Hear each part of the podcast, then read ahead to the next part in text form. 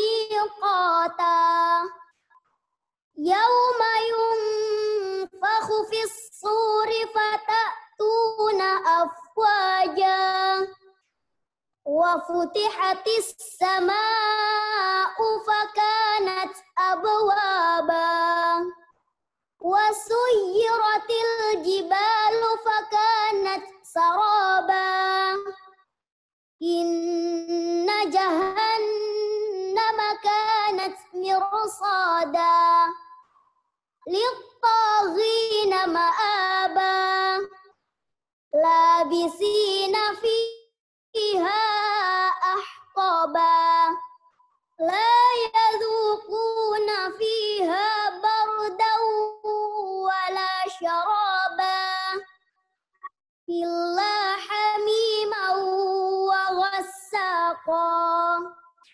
جزاء وفاقا. إنهم كانوا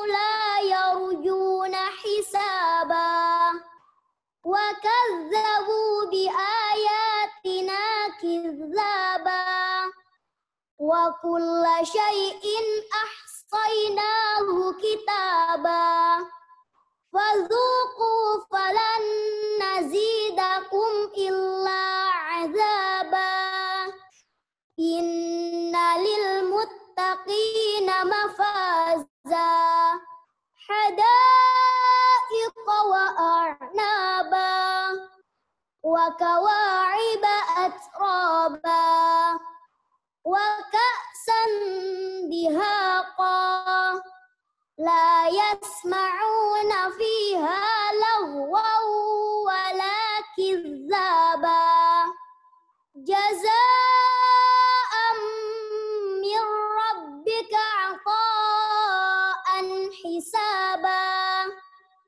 رب السماوات والأرض وما بينهما الرحمن.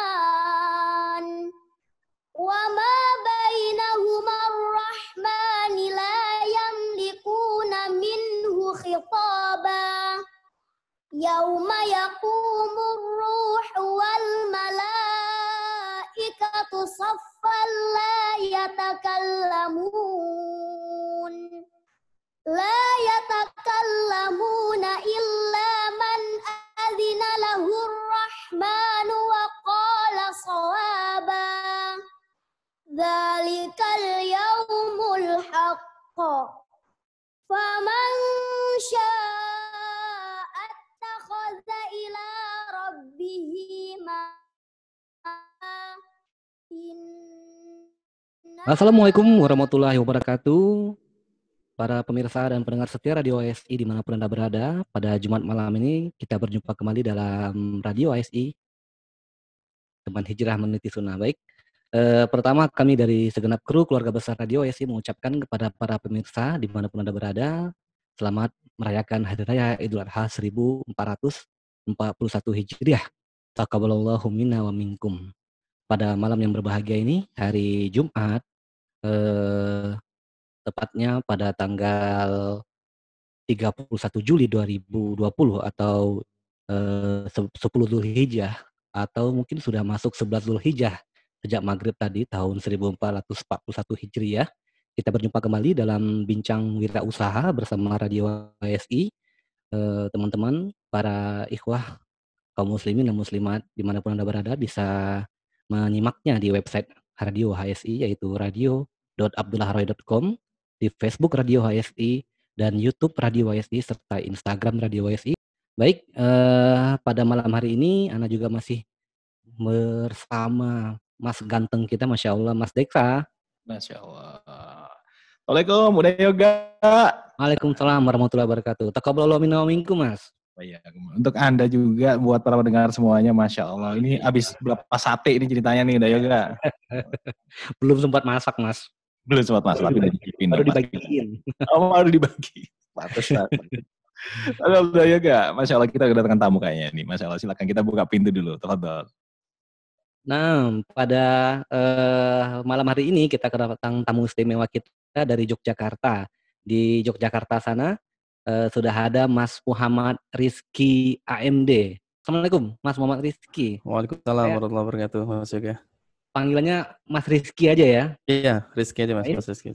Bayasud apaan? Uh, itu marga dari ibu keturunan kakek. Oh, Masya Allah. Antum bukan asli Jawa ya? Uh, aslinya Jawa sih orang tua. Bapak dari Jawa, kalau ibu uh, dari kakeknya keturunan Yaman. Oh, masya Allah, masya Allah benar. Baik, para pemirsa dan pendengar setia Radio SI di mana pun anda berada, pada bincang wirausaha Jumat malam ini kita uh, sudah bersama Mas Muhammad Rizky. Beliau ini adalah salah satu praktisi dari uh, branding dan digital marketing dan juga owner Refik Branding. Nanti beliau akan bercerita banyak tentang berbagai macam tips dan trik untuk Eh, meningkatkan promosi usaha antum tanpa melanggar syariat. Sebagaimana tema kita pada malam ini adalah promosi bisnis tanpa langgar syariat. Emang bisa? Emang bisa ya, Mas Rizky ya? Insya Allah bisa mas, kalau kita nah, niatkan Allah. karena Allah ya. Mudah-mudahan nah, nah. Baik, uh, pemirsa sebelum kita kulik semua ini uh, rahasianya Mas Rizky, pada malam hari ini juga kita dari Radio YSI menyampaikan bahwasannya HSI Abdullah Roy sudah membuka pendaftaran baru insya Allah malam ini.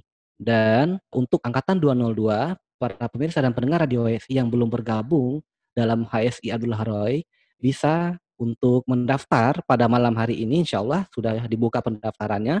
Nanti kita akan sampaikan di jeda iklan bagaimana tata cara mendaftarnya.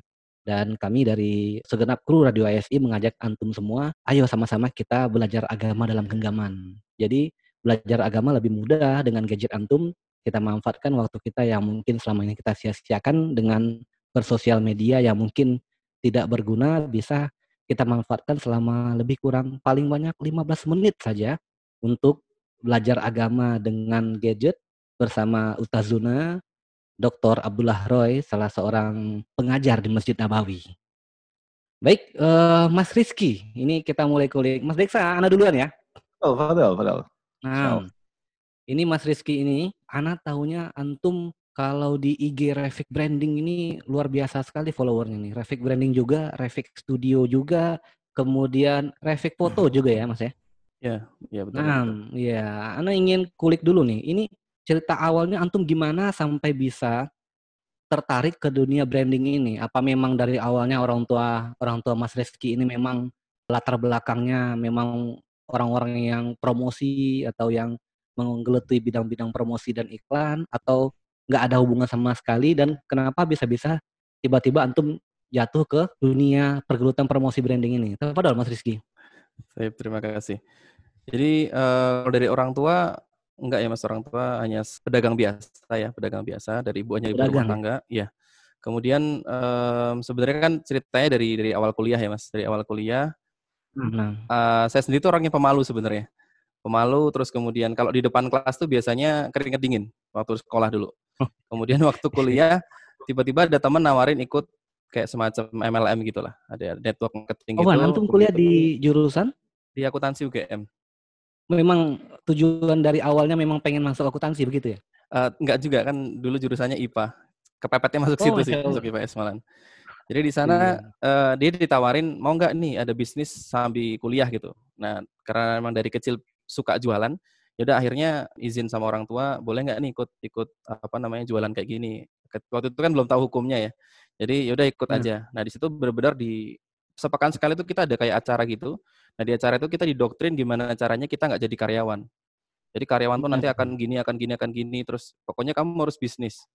Nah, ketika bisnis ini ngarahnya nanti kalau bisnis itu kan modalnya besar, kalau franchise modalnya besar. Yang paling gampang adalah ya itu tadi MLM tadi, ya digiring ke arah situ. Nah, akhirnya kita didoktrin terus dan uh, terciptalah mindset di kepala saya pribadi bahwa oh saya nggak boleh kerja sama orang gitu. Saya harus bisnis sendiri. Dan ya bisa dibilang alhamdulillah selama setahunan ikut itu nggak ada yang join, Mas. Jadi di bawah anak tuh nggak ada. Kecuali bapak anak sendiri itu pun kasihan dia. Jadi Ini benar-benar jual barang ya? Ya jual jual obat-obatan gitu. Masya Allah.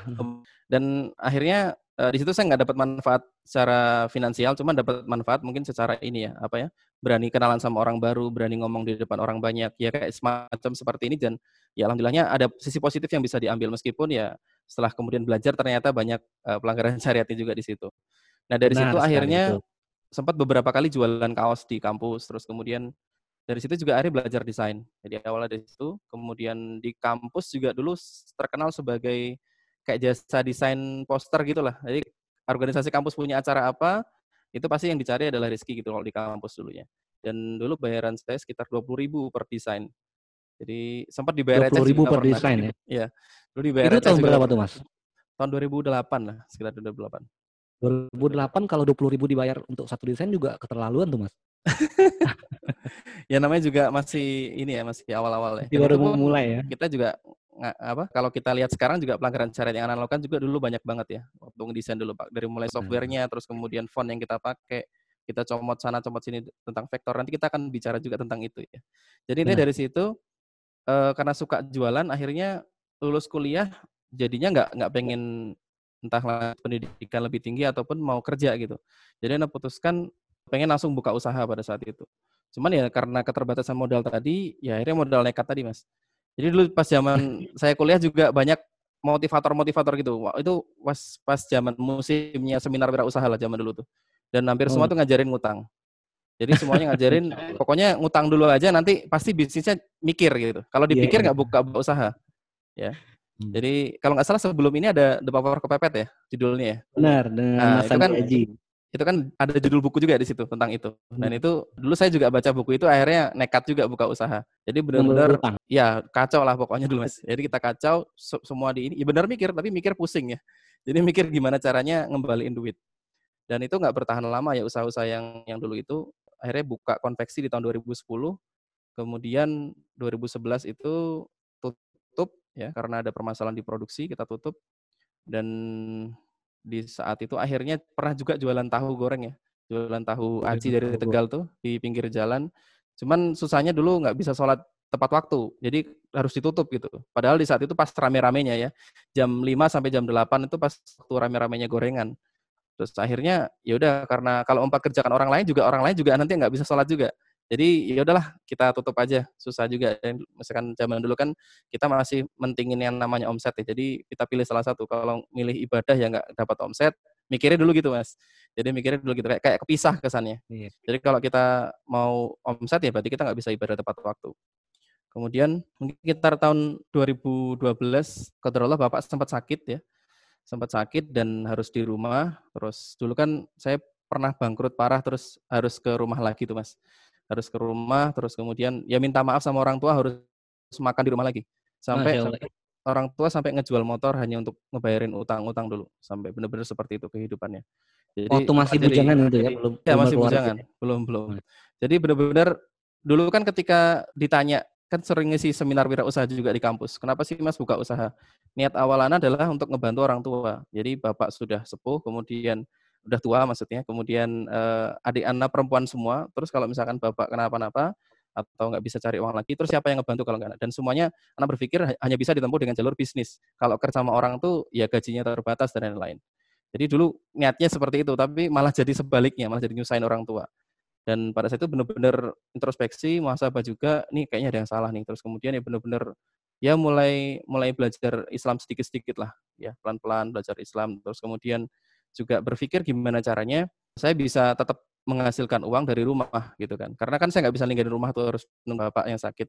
Terus kalau dari ibu mikirnya apa jualan uh, apa ya jualan ini dan itu jualan yang bersifat dapur gitu lah, masak-masakan atau gimana. Kalau dari anak pribadi berusaha untuk mencari cara gimana caranya bisa jualan melalui online. Nah akhirnya belajar dari situ ada sebuah buku, saya belajar SEO namanya, belajar SEO, saya bikin blog, ya bikin blogspot karena dulu belum punya uang buat beli website.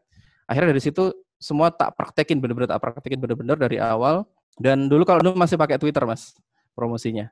Jadi masa pakai Twitter, terus alhamdulillah e, bisa dibilang dulu pernah jualan kaos motivasi gitu, kaos motivasi. Jadi kaos ada kata-katanya gitu. Oh, nah, nah itu sekarang lagi booming juga ya? Ya, dulu nggak ada yang musik. Kita termasuk pelopor dulunya.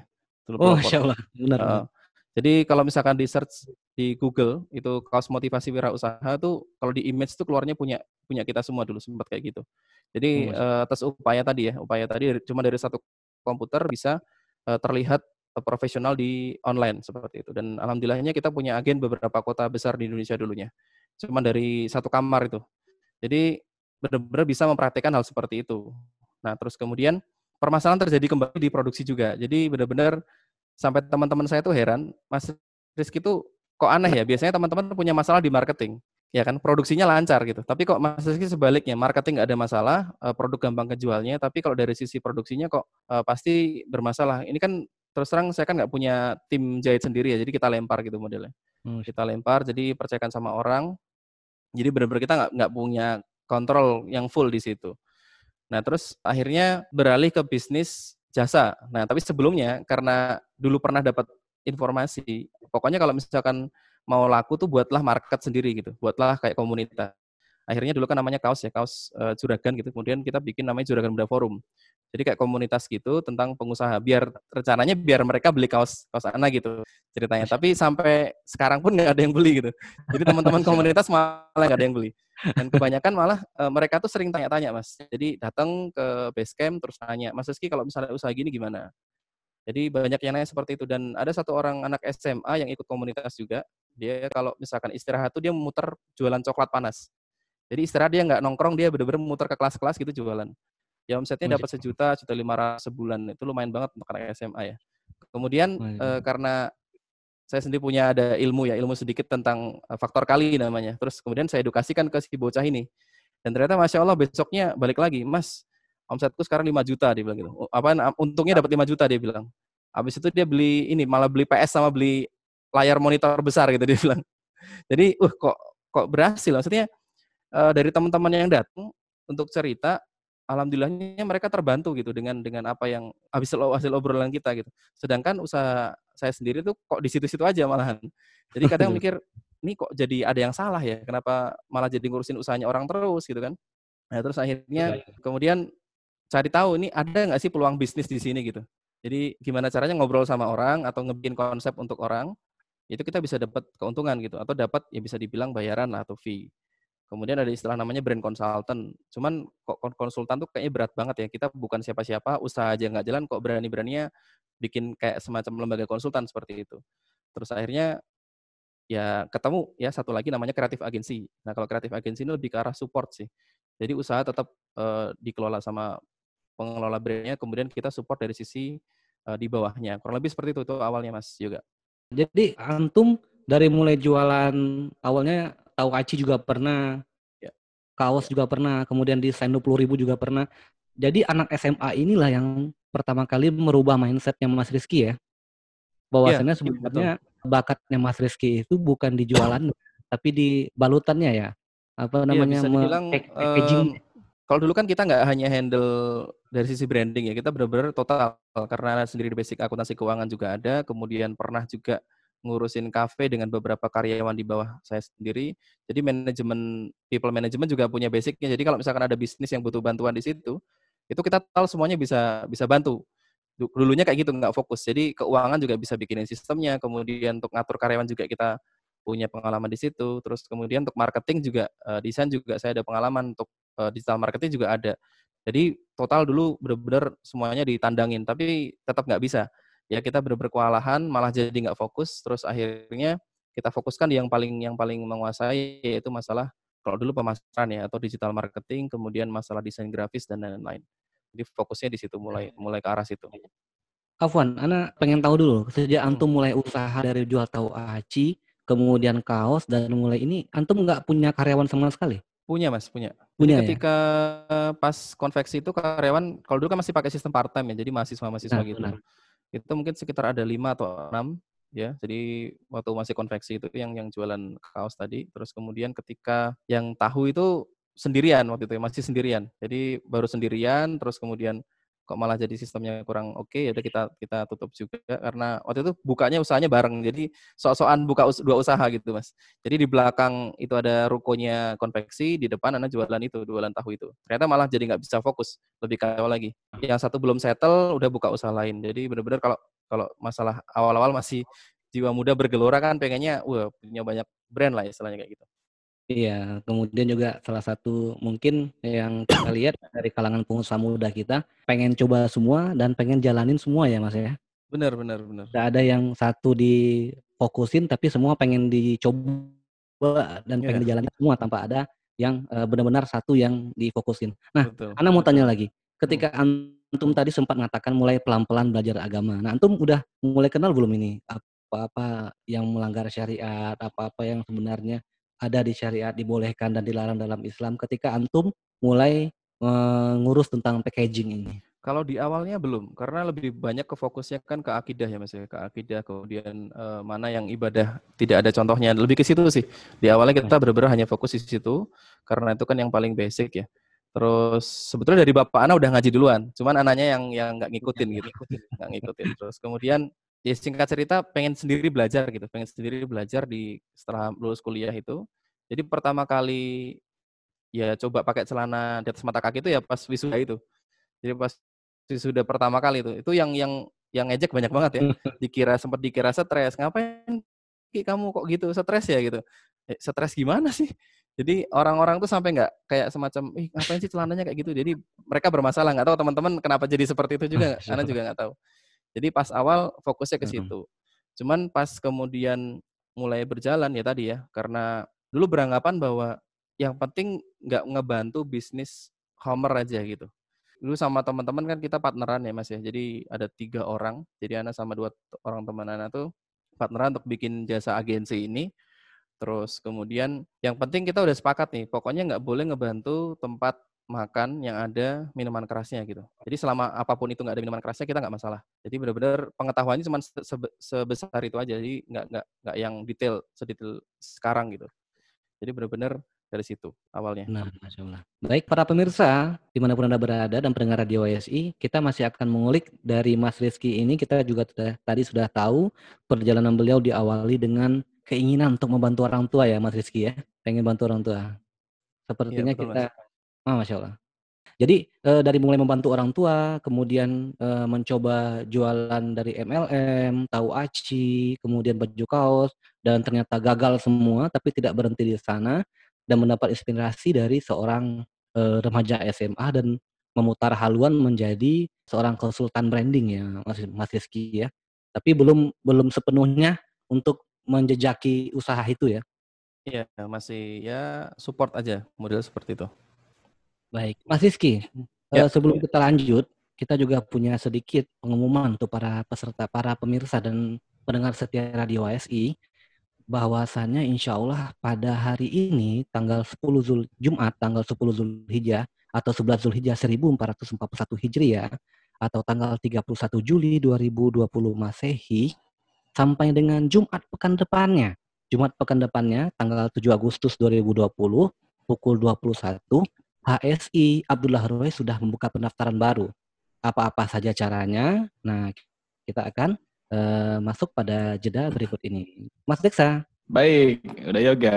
Kita coba dengarkan dulu para pendengar semuanya satu informasi untuk Anda. Stay tune terus bersama dengan Radio HSI.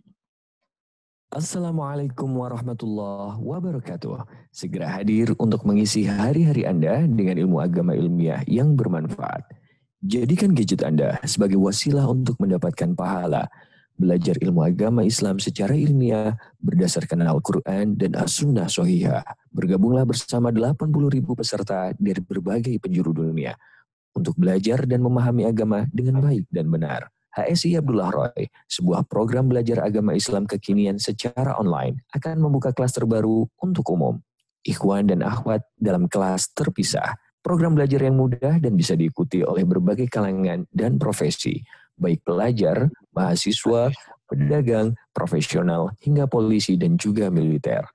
Anda akan diajak untuk mengenal lebih dalam tentang tauhid, mengenal Allah Jalla Jalaluh, Rasulullah Sallallahu Alaihi Wasallam, hari akhir, pembatal-pembatal keislaman, sejarah hidup Rasulullah Sallallahu Alaihi Wasallam, dan banyak lagi materi-materi yang lain. Segera siapkan gadget Anda, jadikan gadget Anda lebih bermanfaat. Ajaklah keluarga Anda untuk bersama-sama mengikuti program belajar agama Islam ilmiah di HSI Abdullah Roy. Siapa yang menempuh jalan untuk mencari ilmu, maka Allah akan mudahkan baginya jalan menuju surga. Hadis riwayat Muslim nomor 2699. Jazakumullah khairan. Wassalamualaikum warahmatullahi wabarakatuh. Dari studio Jakarta, studio Probolinggo, masih bersama kita di sini, Radio HSI, teman hijrah meniti sunnah. Para pendengar setia Radio HSI dapat menyaksikan Radio HSI di Facebook Radio HSI. Sekarang kita sedang stream live, kemudian juga di YouTube Radio HSI.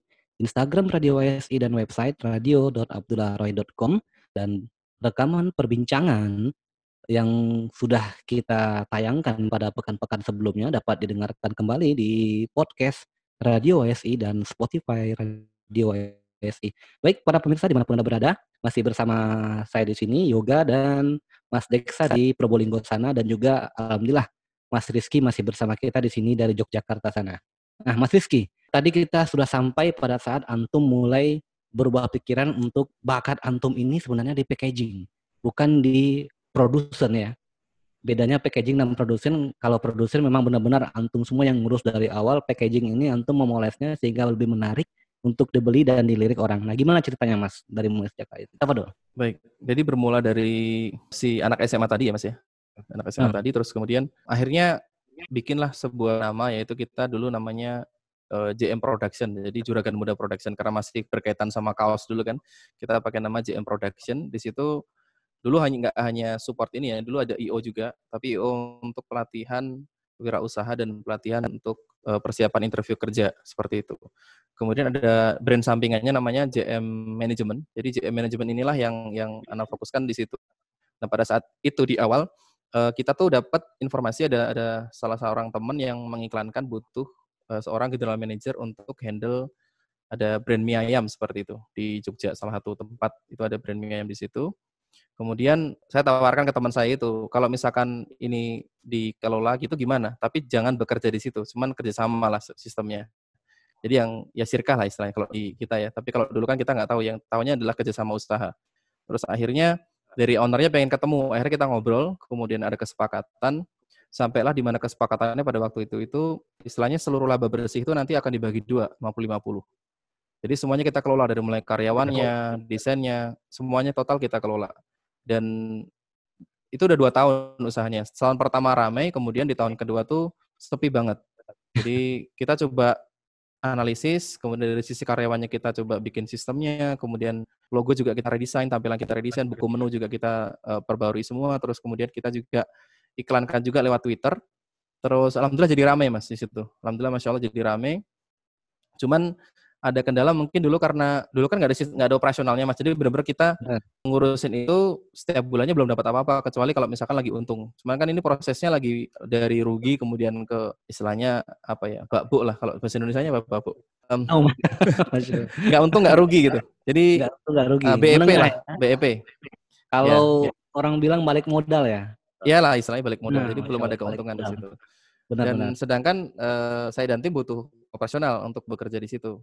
Nah, cuma kita jalankan dulu. Cuman ternyata Allah meskipun ramai, ternyata dari sisi karyawannya nggak siap, Mas. Jadi karyawannya udah setahun ini dapat gaji buta, misalnya seperti itu ya, karena mereka nggak harus, harus kerja dapat gaji, kemudian sekarang harus ngelainin banyak orang yang mungkin lebih banyak daripada yang tahun sebelumnya gitu.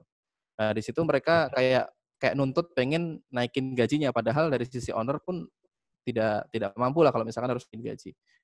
Karena standarnya memang sudah segitu. Jadi pas pada saat sepi mereka juga nggak diturunin gajinya. Nah, pada saat itu ternyata sampai pada keluar satu-satu, akhirnya chef utamanya juga keluar gitu. Jadi akhirnya kalau Allah usahanya tutup, kita juga nggak lanjut. Jadi tiga tahun berjalan ya? Nggak nyampe tiga tahun tuh cuman mungkin dua sampai tiga bulan kita kelola udah udah kena itu. Udah oh. akhirnya out. Dan dari situ kita belajar untuk oh kayaknya nggak bisa sistem kerjasama nih karena uh, dari sisi kami pribadi juga butuh operasional. Kemudian uh, kita nggak mungkin dong nolong-nolong kitanya sendiri mungkin uh, sekarat gitu. Kita benar-benar harus ada ada cash flow-nya juga. Akhirnya bikin sistem uh, kayak ada operasional bulanan lah. Jadi kita kelola usahanya klien, kita tarif berapa misalkan untuk operasional tim untuk mengelola usaha tersebut. Kurang lebih seperti itu, Mas, awalnya. Baik, jadi antum masih belum yakin ya dengan dunia packaging, dunia jasa konsultan untuk digital marketing dan branding ini ya. Masih mau coba-coba lagi untuk jadi produsen atau menjalankan usaha, tapi belum sepenuhnya terjun kepada dunia digital marketing ini ya. Waktu itu udah udah mas, kita udah benar-benar nggak nggak bikin produk lagi mas pada saat itu. Jadi, setelah ini, setelah kegagalan dengan yang terakhir tadi. Ya, yang terakhir tadi kemudian fokusnya udah di luar aja, nggak usah handle yang produksi segala macam. Jadi benar-benar kita hanya fokus. Kan itu kan ibaratnya kita jadi mudorib ya, kita yang ngelola ya. Jadi Benar. owner hanya sebagai soibul mal aja, kita yang ngelola semuanya. Cuman ternyata ya istilahnya kita mending fokus ke satu aja deh, kita fokusnya ke marketing aja, ke pemasaran aja, kurang lebih seperti itu. Afwan, jadi uh, dalam saat itu antum belum belum memiliki usaha sendiri seperti saat ini berarti? Belum, belum. Oh, ya ada ada cuman cuman bukan sesetel sekarang ya Mas. Jadi dulu ya kayak ada teman-teman kita jadiin grup bareng seperti itu, terus kita satu handle IO, nah anak sendiri handle yang lebih ke manajemen tadi, pengelolaan. Tapi ya hmm. IO-nya belum belum menghasilkan ya. Kita ber, ber, baru ya baru anak kemarin sore coba-coba usaha lah. Kurang lebih seperti itu. Baik, setelah itu apa yang memicu antum benar-benar ingin terjun bahwasannya ini bukan cuma manajer loh, ini juga harus ada branding dan digital marketingnya yang harus diurus lebih jauh. Oke, nah kemudian kita kan juga ngelihat tren ya mas, ngelihat tren terus, oh ternyata usaha-usaha kayak gitu banyak dan ternyata mayoritas fokusnya kepada uh, pemasaran atau ya bisa dibilang branding tadi. Jadi benar-benar uh, hanya fokus di satu aja, jadi uh, desain logo, desain uh, identity, kemudian juga promosi online, foto, video seperti itu kurang lebih. Nah akhirnya e, karena basic ada teman-teman di situ, akhirnya kita fokuskan di satu titik itu aja. Jadi gimana caranya kita bisa ngebantu pengusaha di Indonesia, UKM-UKM itu bisa e, maju usahanya dengan tampilan yang lebih lebih keren, kurang lebih seperti itu. Masya Allah. Jadi Ana tadi ter, terpikir sedikit mas, antum kuliah ekonomi tetapi punya hobi di, di bidang seperti membuat desain, yeah dan dan merek begitu memang ada hobi seperti itu. Karena anak tahu mungkin tidak mungkin di ekonomi diajarkan seperti itu ya. Ya tidak mas. Jadi pada saat tahun 2008 jadi anak masuk 2007 itu ada temen anak tuh minta tolong dibuatin sertifikat. Pada saat awalnya tuh minta tolong dibikinin desain proposal seperti itu. Cuman kan kita nggak bisa softwarenya pada saat itu. Jadi cuman suka aja dulu kan dari mulai SMA juga udah sedikit-sedikit ngedesain tuh untuk kayak jaket angkatan kayak gitu lah istilahnya. Kalau dulu seperti itu. Terus kemudian masuk ke kuliah, diminta untuk desain sertifikat. Akhirnya sempat install aplikasi yang pada umumnya sekarang dipakai orang kebanyakan. Itu, uh ternyata Masya Allah, ternyata bisa bikin gradasi. Jadi anak cuma ngedit aja. Jadi ada desainer sebelumnya, anak buka filenya suruh ganti warna. Nah terus mau nggak mau kan lihat nih, uh ternyata uh bagus banget ya maksudnya indah sekali bisa bisa ada aplikasi yang bisa ngebuat seperti ini gitu. Dulu kan nggak tahu sama sekali gimana caranya. Kemudian belajar beli buku juga di situ di toko buku. Nah belajar teman buku distro dulu ya, desain-desain distro belajarnya. Dapat CD juga untuk ada font-fontnya di situ dan di situ mulai-mulai belajar.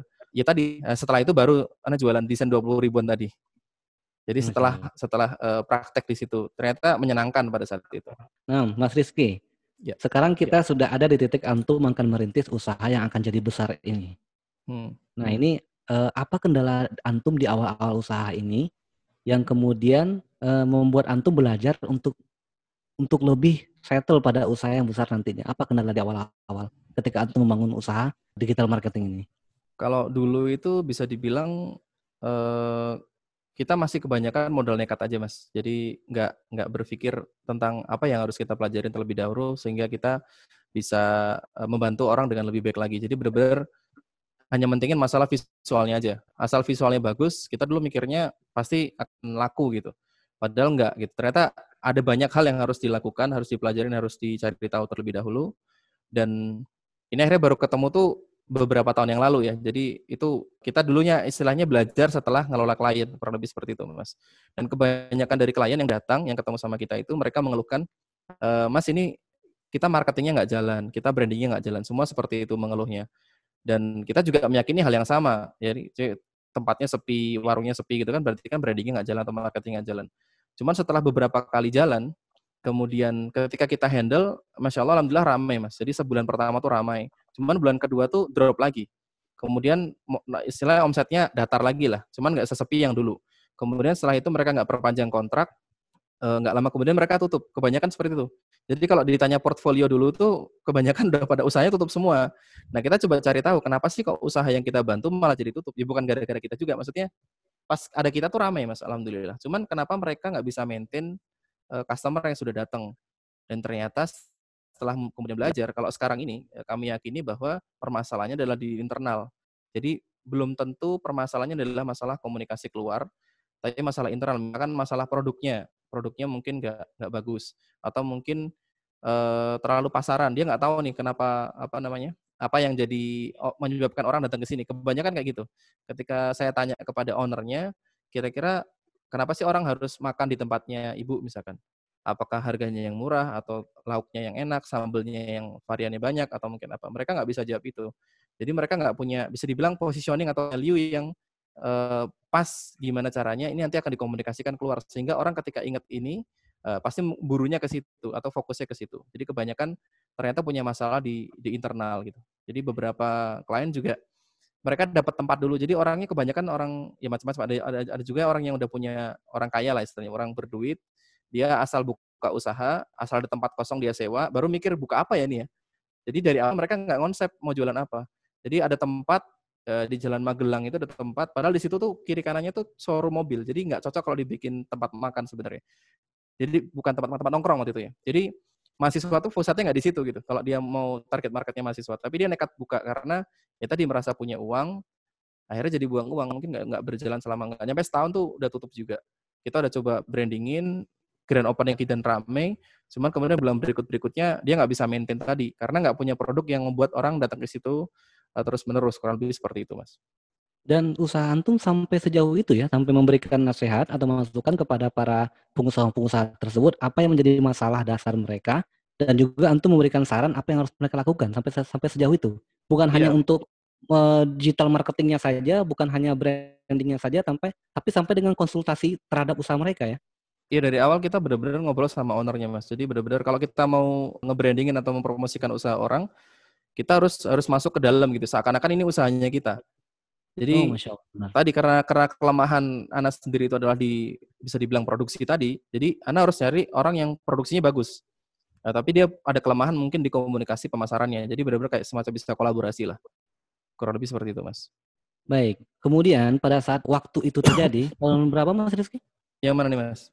Yang uh, mulai merintis itu mulai merintis dengan tahun mulai 2016 sekitar 2016 itu masih ini enggak maksudnya dengan lawan jenis yang berbeda masih ada branding yang masih memakai uh, promosi lawan jenis yang aura ya, 2014 tadi. Masih masih 2014 masih, Dulu masih, masih. ya? Masih dengan uh, gambar makhluk hidup masih ya? Ya masih masih. Nah gimana ceritanya tuh sampai antum tiba-tiba ini ini nggak sesuai syariat loh nggak seperti ini gitu gimana ceritanya jadi mungkin bisa dibilang dunia kreatif, ya kita nyebutnya dunia kreatif ya mas, itu adalah dunia yang paling rentan banyak pelanggaran syariatnya. Dan dulu mungkin sedikit-sedikit sudah tahu mas, jadi sudah tahu beberapa hal, cuman yang paling kita dari adalah menggambar makhluk hidup aja ya. Jadi dulu masih pakai, bisa dibilang masih pakai model ahwat seperti itu. Yang penting kan dulu kan kalau di rumusnya pemasaran, ahwat ini menarik mas. Jadi Betul, kalau nggak pakai ahwat itu nggak bisa jualan. Jadi benar-benar kayak gitu. Sekarang juga godaan Jadi, terus laki-laki tuh mas. Nah maka dari itu istilahnya promosinya dibantu oleh Saiton kan kurang lebih seperti itu. jadi benar-benar. Tadinya orang nggak pengen lirik produknya gara-gara ada awatnya jadi lirik produknya. Jadi benar-benar hmm. dulu nggak nggak peduli masalah itu. Kita pedulikan gimana caranya uh, desain sebagus mungkin dan semenarik mungkin. Terus kemudian sedikit-sedikit mulai uh, belajar lagi, terus kemudian mulai meyakini nih, oh kayaknya ini nggak nggak bisa nih. Terus kemudian dapat inspirasi juga ada seorang bisa dibilang Iwan di Jakarta. Beliau itu di agensi juga sebelumnya. Beliau yang bikin iklan-iklan di TV itu. Kemudian sampai iklan brand-brand itulah pokoknya. Nah kemudian beliau ini juga akhirnya hijrah juga hijrah terus kemudian menyampaikan ke saya pribadi untuk uh, antum keluar aja mas dari situ gitu. Lah kenapa? Uh, saya berpikir gimana caranya pengen berubah teman-teman gitu. Jadi dua orang teman anak ini pengennya diajak juga ikut ngaji juga, ikut belajar sehingga agensinya bisa cari. Dulu mikirnya bisa kayak gitu pengennya ya. Tapi ternyata sebaliknya nggak bisa juga. Jadi malah yang terwarnai malah anak pribadi ya. Akhirnya juga jadi bisa dibilang jadi futur dan lain-lain. Terus akhirnya ya kita coba berjalan terus bersama tetap nggak bisa juga karena kan di hati tetap nggak nyaman ya di hati tetap nggak nyaman terus akhirnya kita putuskan kebetulan pada saat itu kita bubar kita bubar punya brand sendiri-sendiri pada saat itu. Jadi pada saat itu teman Ana bikin brand lain kemudian Ana juga pakai brand sendiri. Cuma pada saat itu Ana juga bu, belum belum belum istilahnya belum declare kalau misalkan ini nggak melanggar syariat. Jadi dulu pakai nama brandnya Visual Story. Jadi gimana caranya visual itu bisa bercerita. Jadi konsep itu seperti itu. Cuman masih belum ini ya, masih belum belum kita praktekkan betul-betul. Dan pada saat itu kita juga punya klien di Jakarta, bisa dibilang mungkin sebulan sekali ke Jakarta juga ke Jatiwangi untuk handle ada warung susu di sana. Itu juga ownernya juga muslim, juga muslim, juga berjenggot juga karena udah kerasa kayak uh kayak ini senadan nih gitu kan. Dulu kan kita nggak nggak mikirin macam-macam ya. Jadi pokoknya mirip-mirip kita berarti kita sefrekuensi lah gitu kan. Cuma ternyata beda ternyata. Jadi dia sempat bilang, Mas, saya nggak nggak mau ngegabungin bisnis sama agama. Jadi mau upload apa pun terserah. Jadi bener-bener kok malah jadi upload perempuan gitu kan. Loh kok kok gini ya? Kenapa? Kayaknya ada yang salah nih. Jadi waktu itu sebelum itu sebelum menikah mas, sebelum menikah, anak pegang beberapa brand tuh masih upload seperti itu. Jadi dibilang bisa dibilang ya pada saat itu masih udah mulai kacau lah. Pokoknya kayak ada nggak beres nih. Terus kemudian setelah anak menikah itu malah kontrak putus semua. Jadi benar-benar dari beberapa brand yang yang anak handle itu putus. Dan waktu itu ya bisa dibilang nggak ada kerjaan. Maksudnya kita nggak ada job sama sekali yang tadinya ada kontrak jangka panjang. Kita benar-benar bisa dibilang nggak ada penghasilan. Pada saat itu baru nikah padahal. Jadi baru Karena nikah, nikahnya atau memang kodarulah bersamaan waktunya? Setelah menikah itu mereka tuh memutuskan kontrak itu. Jadi entah kenapa juga, entah kemudian yang satu mungkin ada yang tutup juga, kemudian yang satu nggak tahu apa. Jadi brand-brand yang bisa dibilang anak pegang dengan melanggar syariat tadi itu tutup semua. Maksudnya kita kontraknya nggak lanjut. Jadi pada saat itu akhirnya karena istri Ana tahu juga, udahlah nggak usah usaha itu lagi gitu. Akhirnya nah. kita jualan tahu lagi. Masya Allah. Antum balik jualan tahu? Iya tapi kita titipin, kita titipin mas. Setiap dua kali sepekan kita titipin ke ada yang punya warung kopi gitu, kita bikin mentahnya mereka goreng terus kita dapat ya kita makan dari jualan tahu itu. Dan yang tahu. digital marketingnya berhenti sama sekali? Berhenti, berhenti. Itu sejak tahun? Itu 2017, kita 2017. Masya Allah. Kemudian 2017. apa yang membuat Antum kembali merintis usaha itu dan yakin kalau usaha ini akan menghasilkan kembali? Jadi kan karena dulu kan yang memang dikenal adalah yang lebih ngebrand tuh nama anak ya Rizky ya. gitu. Jadi dibandingkan nama usahanya sehingga beberapa orang yang sudah pernah kenal itu kadang ngubungin untuk istilahnya Mas ada proyek ini mau di, mau dikerjain enggak kurang lebih seperti itu. Nah sepanjang kekosongan tadi ketika belum punya brand lagi itu anda pernah kerja di kayak semacam tempat permainan tembak-tembakan gitu paintball namanya itu hmm. juga pernah di situ sebagai kayak semacam inilah develop team jadi karena anda nggak nggak pengen kerja sama orang jadi anda bilang ke ownernya mas bisa nggak saya bangun sistem di situ kemudian saya carikan tim nanti kalau sudah jadi saya keluar karena saya nggak bisa terikat sama orang-orangnya memang nggak nyaman kalau misalkan di bawah orang lain gitu modelnya. Jadi benar-benar kita develop tim di situ. Dan alhamdulillah berjalan beberapa waktu, mungkin setahunan lah. Ya. Setahunan terus karena di sana bisa dibilang nggak nyaman juga. Jadi si ownernya ini minta diuploadin gambar pada sebelumnya itu ada ada ceritanya ada pemotretan model gitu mas di hmm, lapangannya itu lapangan tembak-tembakan itu ada model terus kemudian dia nanya mas kok nggak diupload gitu Nah, sontak di situ anak spontan ya. Wah, nggak berani saya mas, saya takut masuk neraka. Kalau mau mas aja gitu. Padahal itu owner ya, maksudnya. Wih, abis itu mikir, astagfirullah, kenapa ngomongnya gitu banget ya? Saking saking nggak maunya disuruh untuk upload seperti itu mas. Jadi refleks ini kayaknya salah juga, nggak, nasehatin, nggak gini juga caranya gitu kan. Terus akhirnya abis itu mikir juga, di situ juga lingkungannya juga orang-orangnya bisa dibilang uh, tidak ada yang sholat juga orang-orang yang kerja di situ dan kembali lagi akhirnya jadi kesannya nggak mungkin juga ada wahin juga di situ kan. Ya akhirnya anak putuskan untuk off dari situ. Cuman sebelum off di sela-sela waktu malam itu anak coba upload desain-desain logo yang pernah anak, anak buat dulunya, anak bikin uh, akun Instagram kurang lebih seperti itu. Nah dari situ mulai awalnya tuh. Mas Rizky, kebanyakan orang menyangka bahwasannya ketika kita mulai membuat sesuatu yang sesuai syariat, itu kita akan dijauhi orang. Termasuk apalagi dengan usaha seperti ini. Usaha seperti ini yang menurut Mas Rizky tadi ahwat adalah daya tarik utama, kemudian uh, ini benar-benar Mas Rizky tinggalkan, kemudian desain-desain gambar makhluk bernyawa juga ditinggalkan. Ada ketakutan nggak seperti apa? Apa ini tidak akan laku, kemudian orang tidak akan melirik atau bagaimana? Ya, alhamdulillah mungkin sebaliknya ya, Mas. Jadi sebelum sebelum Ana punya brand sendiri itu tadi, sempat dikumpulkan beberapa teman-teman yang lama tadi yang sudah bubar, dia mau bikin brand baru ya. Dan memilih Ana juga sebagai salah satu owner karena bisa dibilang Ana jadi ikonnya nanti. Mereka ngurusin produksi teknisnya, ini Rizky jadi ikonnya.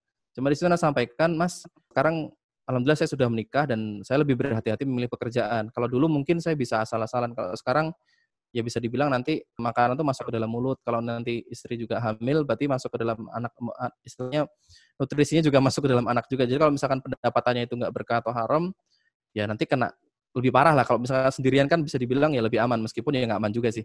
Jadi intinya lebih berhati-hati dan kemudian dia bilang ram masalah, ram masalah, nggak ada masalah. Yang penting ikut aja. Nah terus kemudian pertemuan berikutnya dia yang nggak jadi gitu. Setelah Hana bilang tadi yakinkan bahwa kalau saya sendiri nggak mau gambar makhluk bernyawa mas, dengan masnya itu mau kan dia dulu pokoknya desainer juga lah. Dia punya punya referensi sendiri bahwa itu boleh nggak masalah. Dan itu nggak ketemu. Hal yang kecil aja kita nggak ketemu, apalagi hal besar. Nanti kita kan ada banyak perdebatan. Akhirnya nggak jadi sama sama person tersebut. Kemudian juga pernah juga relasinya beliau itu ngubungin Ana mas. Jadi yang istilahnya dia cerita itu ya WA atau SMS gitu, Mas bisa ketemu nggak? Ini saya butuh gini gini gini gini, saya butuh desain. Saya lagi develop bantu development apartemen di Jalan Kaliurang. Terus kemudian saya sholat tahajud lima malam tuh kebayangnya Mas Rizky terus. Dia bilang gitu. Ya karena oh, omongannya kayak gitu. Malam. Hah? Kebayang. Jadi sebelumnya beliau sudah kenal dengan Mas Rizky ya? Sudah, sudah, sudah. Sudah, sudah pernah bertemu juga. Jadi sudah pernah bertemu terus dikenal. ya. terus kemudian Nana datang Mas di situ coba hmm. datang karena ada project yang lumayan besar ya, istilah apartemen kan besar, kita coba ternyata ya ya di resepsionisnya tuh modelnya kayak gitu lah mas. Kita juga bingung juga, wah nih udah mulai apa ya hati itu nggak nyaman di situ. Ini kayaknya nggak nggak nggak nggak beres nih, maksudnya ada yang nggak beres di sini. Kemudian dia cerita gini gini gini gini. Dia sampai bilang Mas Rizky butuh budget berapa, mau bikin tim di sini bisa, mau di luar bisa, terserah. Yang penting tolong di handle. Terus ada lima proyek lagi setelah proyek ini, dia bilang gitu. Iya tadi seneng atau gusar tadi ya. Jadi dalam hati alhamdulillah dapat dapat kerjaan nih. Maksudnya dapat kerjaan yang uh, lumayan gitu. Habis itu pulang cerita sama istri, alhamdulillah nih dapat ini nih ada bawa brosurnya kan liatin wah nih masya Allah ya gedung-gedungnya kan kelihatan mewah gitu kan ngurusin desainnya ini pemasarannya gimana gitu ya udah kalau gitu nggak apa-apa cuman kayaknya indikasinya ada pelanggaran syariatnya gitu nah, terus kemudian Sirana bilang alhamdulillahnya dia bilang ya udah kalau itu mending nggak usah cari yang lain jadi alhamdulillahnya dipertemukan dengan istri yang yang tadi itu, maksudnya nggak kemudian nggak apa-apa lah, yang penting dapat makan dulu kita gitu kan. Tapi benar-benar meskipun kita pada saat itu bisa dibilang pendapatannya minim, istri Ana benar-benar bilang udahlah cari yang lain aja nggak apa-apa. Kalau emang itu melanggar syariat. Atau kalau mini, kalau nggak minimal kamu sampaikan aja ke bapaknya itu ada syarat misalkan mau dikelola sama kita. Jadi pada saat pertemuan tuh dia cerita pengennya ada maskot perempuan, mas, maskot awat gitu, penari Jawa pakai kemben. Jadi benar-benar nanti semua medianya ada ada ada objek itu gitu. Itu kan benar-benar aduh, ini ini Bapak ini Bapak yang sholat tahajud lima malam tadi ya. Betul, betul. Allah subhanallah. Jadi itu Ana baru ya mungkin ini mungkin jadi tes juga bagi Ana pribadi. Jadi Ana baru fokuskan gimana caranya bikin jasa yang nggak melanggar syariat. Pas pertama dihadapkan dengan sesuatu yang bisa dibilang kelezatan dunia lah. Maksudnya ini objek brand besar, uh, duitnya juga besar, continue jangka panjang dan bisa terjamin, bisa dibilang dunia bisa terjamin. Cuman ya tadi karena ya kita udah nggak bisa main-main lagi mas. Jadi karena ini urusannya berkaitan dengan akhirat, ya udah anak bikin ketentuan gitu. Yang pertama, tidak berurusan dengan lembaga ribawi. Yang kedua, tidak menggunakan musik misalkan untuk videonya. Terus yang ketiga, tidak menggunakan ahwat, tidak mengantar makhluk hidup. Banyak beberapa kriteria gitu, Mas. Kemudian ini nggak nggak sayang WA, dia tanya lagi, Mas kapan kita mulai gitu. Dia dia nggak udah nggak peduli lagi dengan harga, kapan kita mulai, Mas Rizky kapan bisa mulai. Itu pun balasnya juga lama. Akhirnya anak kopas dari catatan, anak kirim, Pak kalau misalkan eh, mau kita bantu pemasarannya, kurang lebih syaratnya ini wah kena semua mas dia bilang gitu terus akhirnya ya udahlah nggak bisa sama Mas Rizky berarti oh ya udah Pak terima kasih Masya Allah. ya bisa dibilang pada saat itu ya ada sedikit apa ya ya kecewa ada dikit cuman ya udah nggak masalah daripada nanti terlibat masalah yang lebih besar karena kan kalau misalkan kita ada dosa kan lebih bahaya lagi nanti ke depannya jadi benar-benar pada saat itu kita mulai dari awal ya tadi kita bikin Instagram terus kita akhirnya simpulkan di situ mas kita nggak bisa setengah-setengah mengkomunikasikan bahwa kita nggak melanggar syariat Baik. Karena Tahan dulu situ Mas ya, Rizky. oke. Ini kita udah udah akan sampai ke suksesi Mas Rizky ini. Jadi kita tinggalkan dulu Bapak yang sholat tahajud lima malam tadi. Pemirsa, kita akan tetap bersama Mas Rizky. Kami akan juga memberikan sebuah pengumuman kepada pemirsa.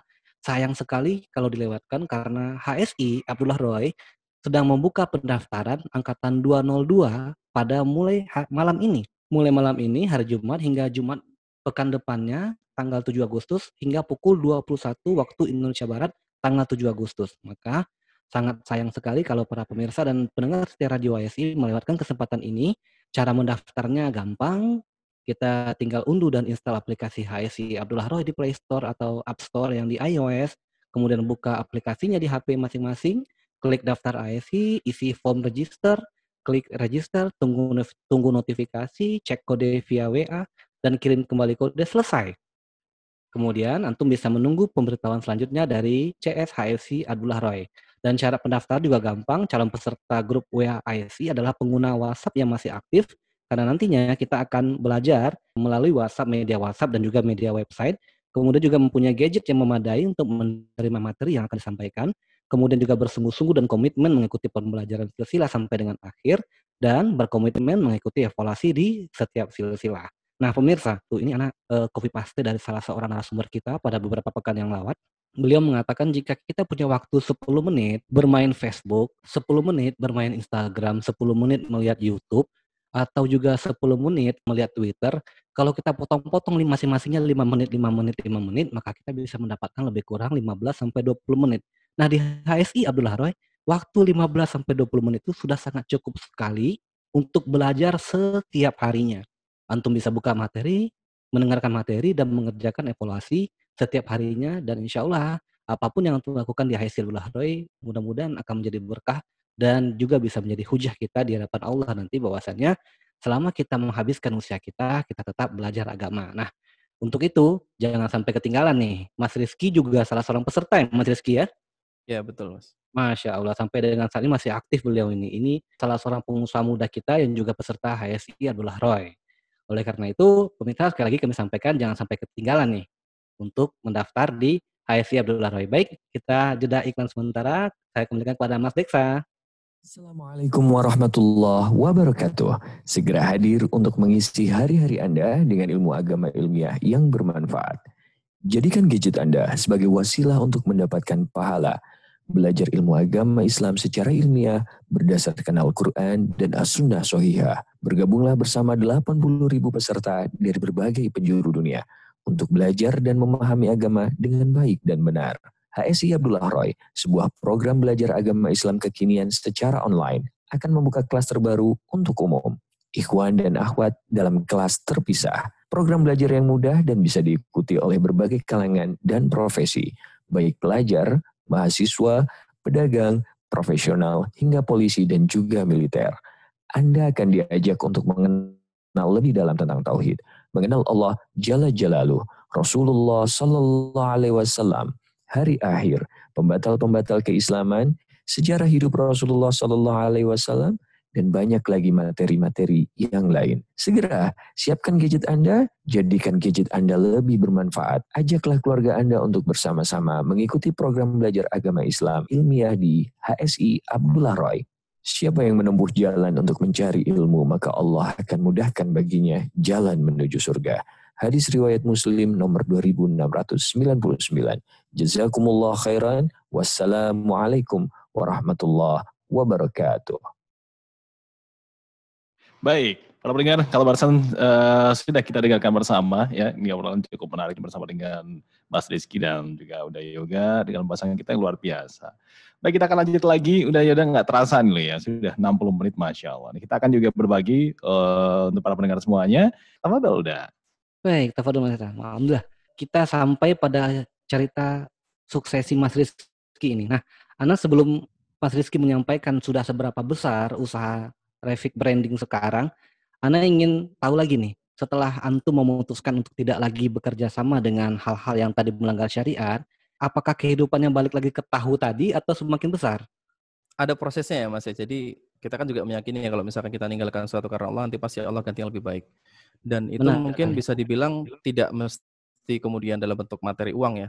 Tapi kemudian-kemudian Allah berikan selama ini juga ya itu jadi alhamdulillah juga. Termasuk dari yang dulu mungkin anak sendiri cuma tinggal di satu kamar, uh, pavilion bersama istri sekarang alhamdulillah bisa pindah ke tempat yang lebih besar seperti itu bahkan bisa punya tempat sewa meskipun sewa tapi bisa luas gitu. Kita ada ada kantor juga. Dulu kantor kita mulai dari dari kamar kecil juga. Jadi kamar tiga kali tiga mungkin ya. Dan dengan mungkin 4 sampai lima orang di situnya. Jadi benar-benar sempit banget kalau dulu.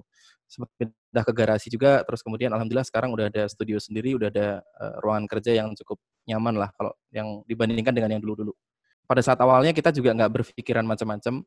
Kita cuma berpikiran gimana caranya tetap bisa berkarya atau di dunia kreatif ini, tapi gimana caranya nggak ngelanggar syariat. Dan itu tentu tidak mudah ya mas, karena ya tadi mayoritas penggiat industri kreatif bisa dibilang orang kreatif kan dalam tanda kutip gila ya mas ya. Jadi kayak nggak ada batasan gitu. Kita gimana caranya uh, berekspresi. Sedangkan di sisi lain kita sebagai seorang muslim juga ada batasan syariat Islam di situ yang harus kita utamakan daripada sisi kegilaan kreativitas tadi. Dan di situ ya cukup berat juga sih kalau bisa dikatakan ya. Jadi dulu sih pengennya gimana caranya kita masih bisa berkarya tapi nggak nggak melanggar syariat. Nah kalau dulu si bapak itu tadi balik lagi sebentar ya Mas juga. Ya, Jadi benar. si bapak ini bisa dibilang sudah melihat secara fisik penampilan anak pribadi seperti ini. Eh, cuman entah kenapa penampilan ini tidak tidak membuat uh, beliau untuk mengurunkan niatnya menggunakan materi promosi seperti itu. Jadi mungkin kebanyakan orang nggak tahu mungkin kalau itu melanggar syariat. Jadi tahunya biasa aja. Karena mungkin di Indonesia kan bisa dibilang aurat di mana-mana ya. Mungkin kayak udah biasa lah. Ngapain sih memper nggak nggak boleh diupload wong di kita aja ke jalan-jalan aja orang nggak ada yang menutup aurat gitu. Kenapa kalau diupload itu jadi masalah gitu. Mungkin itu yang jadi jadi jadi pemikirannya si bapak ini kita juga nggak jual yang haram gitu kan. Kita nggak jualan minuman keras gitu kan. Cuman ya tadi mungkin banyak orang yang belum tahu. Karena ya tadi mungkin belum belum sampai ilmunya kepada mereka juga. Dan ini yang membuat akhirnya kami benar-benar berusaha untuk deklarasikan di depan bahwa kita sebelum sebelum pure di Revik ini dulu kan Revik hanya jasa desain ya. Kemudian ada teman anak yang di agensi yang lama ngubungin lagi untuk bikin brand baru ya brand baru kolaborasi dia tetap masih punya brandnya, Revik tetap ada, tapi kita bikin kayak brand gabungan lah istilahnya. Nah, brand gabungan ini pengelolaan digital marketing. Nah, cuman dari sisi tampilan nama, kemudian tampilan bahasa, kita nggak menggunakan syariat. Label-label syariat kita nggak pakai. Jadi kita tawarkan ke beberapa usaha ke orang, orang udah tertarik ya dengan presentasinya. Kemudian di akhir baru ada kayak syarat dan ketentuan. Dan itu pun kita pakai bahasa Inggris, Mas. Misalkan kita nggak pakai perempuan, kita pakai bahasa Inggris. Ditanya sama kliennya, kita bilangnya nggak based on syari uh, teman Anan tuh bilangnya ya biar nggak mengeksploitasi, mengeksploitasi wanita gitu. Terus kenapa nggak pakai musik gitu? Ya karena kita pengen beda aja. Jadi kita nggak nggak ngomongin masalah syariat gitu. Benar-benar gimana caranya masih tetap kelihatan kreatif. Tapi di dalam diri kita jangan sampai melanggar syariat dan itu ternyata susah. Dan alhamdulillahnya tidak ada yang deal ya. Jadi proyek-proyek yang sudah kita tawar-tawarkan kepada orang itu mereka keberatan dengan hal itu. Jadi mereka kok kok aneh ya ini agensi kreatif kok kayak gini gitu. Nah, akhirnya pada Setelah itu kita bubar lagi, terus Anda fokus ke Revik dan kemudian Anda tampilkan di depan di, maksudnya kita ngomong di awal bahwa kalau misalkan mau jadi kliennya Revik itu ada syarat dan ketentuan. Jadi biasanya kan kita nggak nggak ngefilter klien ya, yang murninya kan kan biasa kita umumnya kan seperti itu ya mas. Jadi ada proyek kita kita kerjakan gitu. Tapi kalau sekarang pada saat itu kita putuskan gimana caranya ada kayak filtrasi lah, gimana caranya dari mulai uh, ngubungin kita, kita tanya usahanya apa, terus kemudian ada Instagramnya apa enggak, jadi benar-benar kita tahu nih uh, usahanya itu dari sisi uh, produknya, cara pemasarannya itu melanggar syariat apa enggak. Kalau misalkan iya, biasanya kita kita tolak gitu. Itu orang nggak lari. Kita tolak. Nggak lari ya maksudnya. orang nggak lari ya, antum persyaratkan seperti itu, kemudian antum uh, uh, wawancara mereka dulu sebelum mengambil, orang nggak lari dan antum nggak takut orang bakal lari ya? Kita lebih takut kalau kita ngerjain proyek besar yang melanggar syariat, Mas. Jadi Benar. takutnya makin besar proyeknya, ya kita nggak tahu iman kita sebesar apa ya. Tapi ya tadi lebih baik kita tolak semua aja ya. Daripada kita tergiur sama nominalnya nanti iman kita berubah, kita belokin dikit-dikit kan nggak ada yang tahu juga. Itu yang yang paling kita hindarin. Jadi ini dari awal kita tahu usahanya apa. Sebelum ini nih, mungkin sekitar 2-3 bulan yang lalu tuh ada yang kontak juga itu dari dia habis deal sama investor dari China katanya. Dia bikin kayak semacam eh, kondominium gitu di Jakarta terus ada berapa unit banyak banyak unitnya. Terus kemudian saya tanya di situ ini konsepnya istilahnya syariah atau enggak? Gitu. Dia bilang konvensional. Oh ya sudah pak. Kalau konvensional kita nggak bisa bantu. Terus kemudian oh terima kasih. Nah padahal itu proyek besar banget gitu kalau misalnya kita lihat dari sisi jumlah uh, unitnya dan lain-lain. Cuman ya karena kita udah udah kebiasaan nolak ya udah gitu. Kayak biasa aja kayak kayak kayak dia jualan misalkan produk apa yang murah-murah gitu jadi benar-benar kita ya tadi pertama mungkin berat ya nolak-nolak kayak gitu. Cuman ya tadi kita punya prinsip bahwa nanti insya Allah Allah ganti lebih baik dan ternyata benar kita akhirnya Masya Allah dapat uh, deal project setahun sama dua brand sekaligus dari Jakarta juga dan alhamdulillah orangnya juga udah udah kenal sunnah juga dan ya jadi lebih nyaman gitu. Jadi lebih enak lagi gitu. Dan itu anda sampaikan ke bapaknya, Pak sebelum bapak ini ada ada yang mau masuk itu kayak gini Pak. Dan Masya Allah ketemu bapak gitu. Ya udah pokoknya ngurusin anak aja mas gitu kata bapaknya. Jadi ya tadi kita benar-benar dari sisi keyakinan kita jangan sampai berpikiran bahwa kalau misalkan nggak pakai ahwat nanti nggak laku. Atau kalau nggak pakai musik nanti nggak menarik. Atau misalkan kita namanya nggak aneh-aneh kita nggak nggak menarik. Jangan kita berpikir seperti itu dulu. Yang penting ya kita yakin aja Allah udah ngatur rezeki kita jalannya gimana. Yang paling penting adalah gimana caranya kita cara cara cari rezeki itu gimana gitu. Cari cari pendapatannya dengan cara seperti apa apakah dengan cara yang baik apakah dengan cara yang tidak baik dan mungkin banyak orang yang nggak tahu soal ini. Meskipun pengusaha muslim pun atau mungkin yang sudah uh, mungkin sering kajian juga, kadang masih sering luput untuk upload aurat, Mas. Karena Anda juga menjumpai beberapa teman, beberapa relasi yang mungkin sudah ngaji juga, tapi kadang-kadang tuh lupa gitu. Lupa untuk nggak ngupload aurat. Ya, jadi ada restorannya rame, misalkan dia bikin story, Masya Allah, rame restoran anak gitu.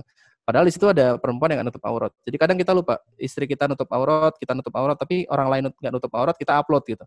Nah itu yang yang yang kita coba um, sosialisasikan juga ke pengusaha muslim di akunnya Revi kan kita nggak hanya sekedar jualan aja tapi kita juga ada sisi edukasinya jadi gimana caranya kalau dari visi Revik sendiri itu bisa ngebantu semua pengusaha muslim di Indonesia itu bisa mengembangkan usahanya dengan tanpa melanggar syariat Islam kurang lebih gitu Mas Yoga.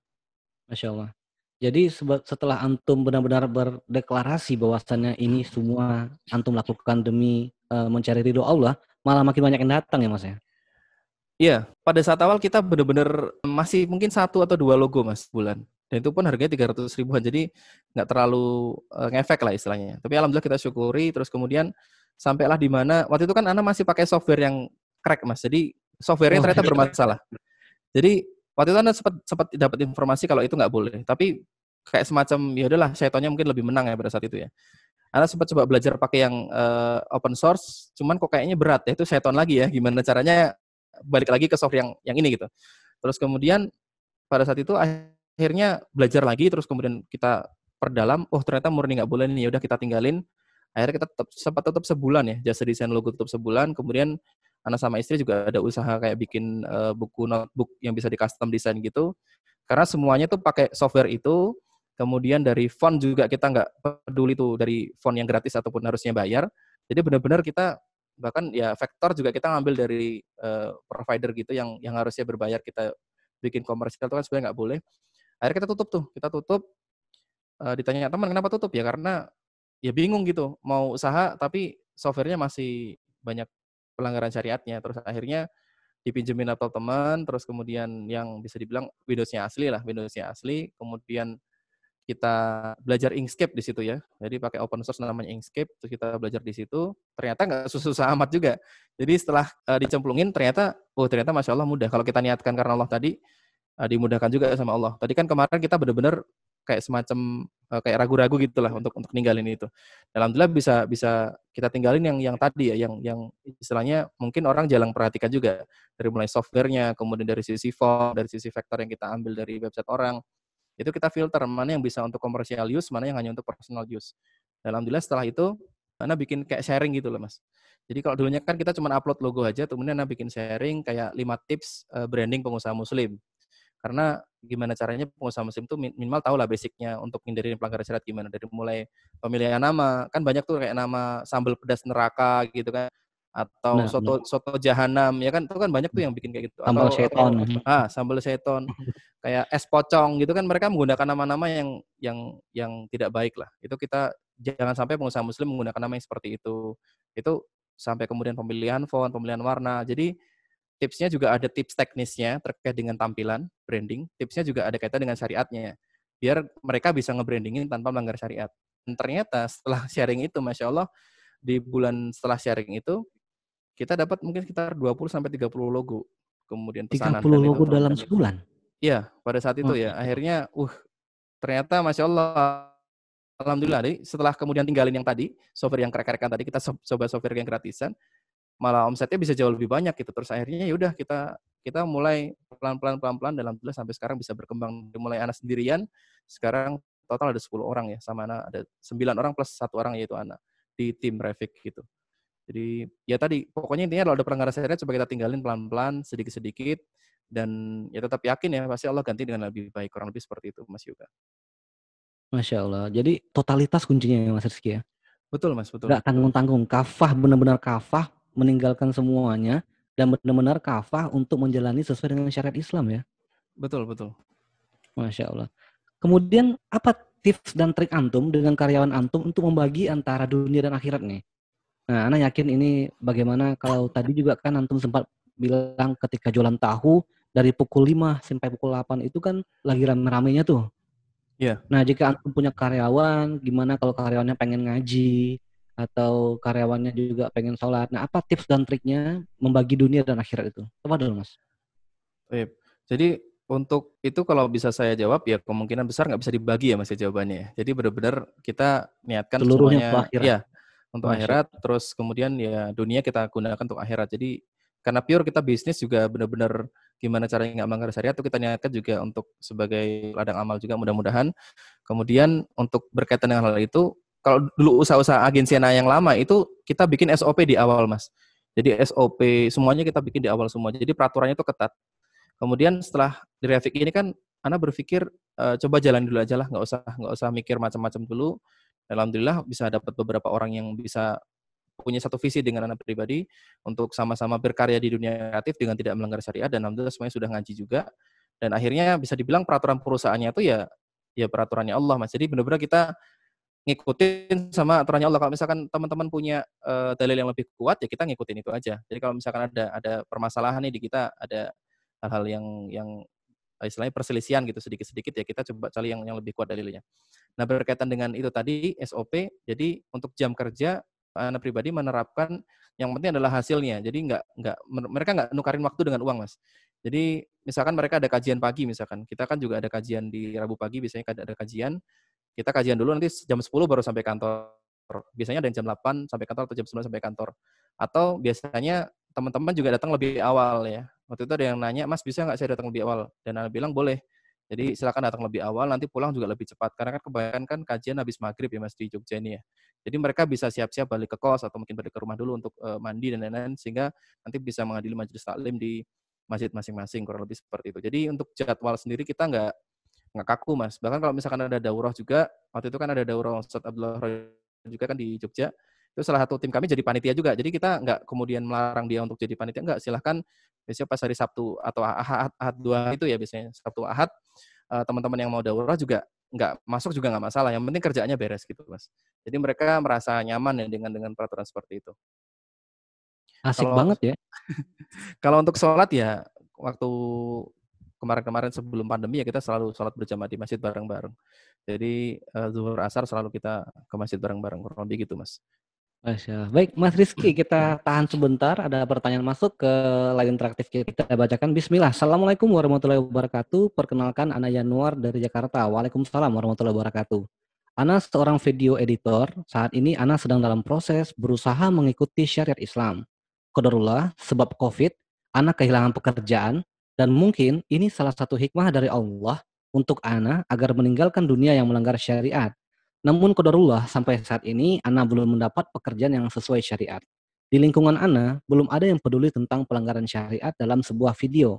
Yang mau Ana tanyakan, yang ingin Ana tanyakan adalah bagaimana cara supaya Ana bisa bertahan dalam bidang ini, dalam bidang video editor tadi, karena Ana tidak mempunyai banyak jaringan dan berada di lingkungan yang belum mempedulikan syariat. Nah, beliau bertanya bagaimana cara mempertahankan pekerjaan di bidang beliau tanpa uh, punya banyak jaringan. Ini juga sebagai pertanyaan kita kepada Mas Rizky, apa tips dan motivasi untuk para pendengar yang ingin memulai usahanya atau yang sudah usahanya mulai mati untuk bangkit kembali? Karena kalau dari Anda dengar dari tadi ini kisah Mas Rizky, kalau misalkan main game ini udah berkali-kali mati ini Mas jatuh bangkit lagi jatuh bangkit lagi. Tahu aja gagal bangkit. MLM gagal bangkit.